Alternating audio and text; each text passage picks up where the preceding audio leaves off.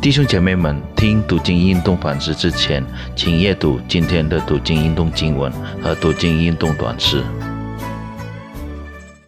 各位主内弟兄姐妹们，大家好，大家平安，欢迎大家收看和收听今天的读经运动反思。非常感谢上帝，还给我们机会能来到他的面前，来思想和学习他的话语。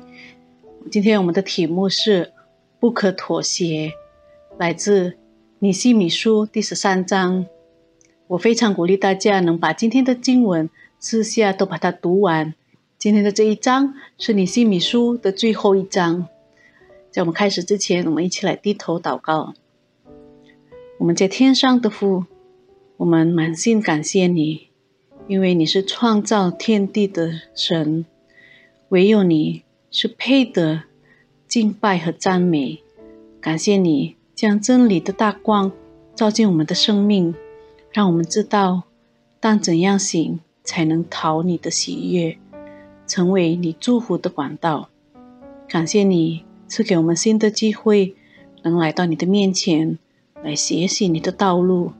求你带领我们的脚步，行在你的旨意中，奉你的圣名，我们祷告，阿门。在耶路撒冷城墙告城里和任命圣殿内。公职的人之后，尼西米在犹大当省长，摄整了十二年。因为重建耶路撒冷的任务已经完成了，尼西米欢欢喜喜的回去见王。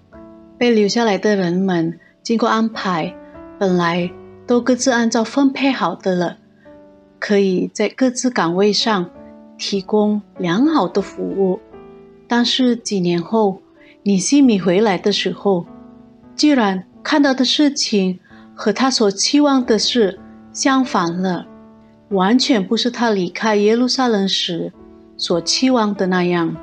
那些受托付的人没有做好他们的工作，他们不履行承诺，情况又回到像以前还没有重建的状态。他们没有按照上帝差遣的使者。尼西米和伊斯拉所传达的上帝旨意生活，他们任凭多比亚，一位曾讥讽有大国，并且毁谤尼西米的亚门人，拿走他们的粮食。他们任由多比亚拘留在储藏库房内，那就是专给圣殿公职人员收存各类贡品的地方。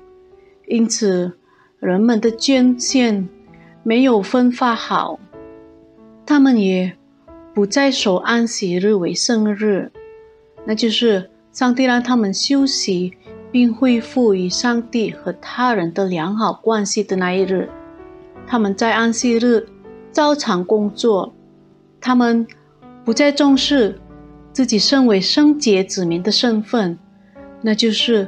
被上帝分别为圣的子民，反而与外邦人通混了。祭司以利亚士所做的妥协，一开始只是低估轻忽，但结果造成了致命的伤害。在尼西米带领下的十二年内所建造的，似乎已经消失无踪了。在上述的情况下，尼西米。坚决拒绝妥协，恼怒之下，他采取了行动。他下令竭尽躲避而使用的库房，并且竭尽利威人和祭司。他以忠心的人代替妥协的人。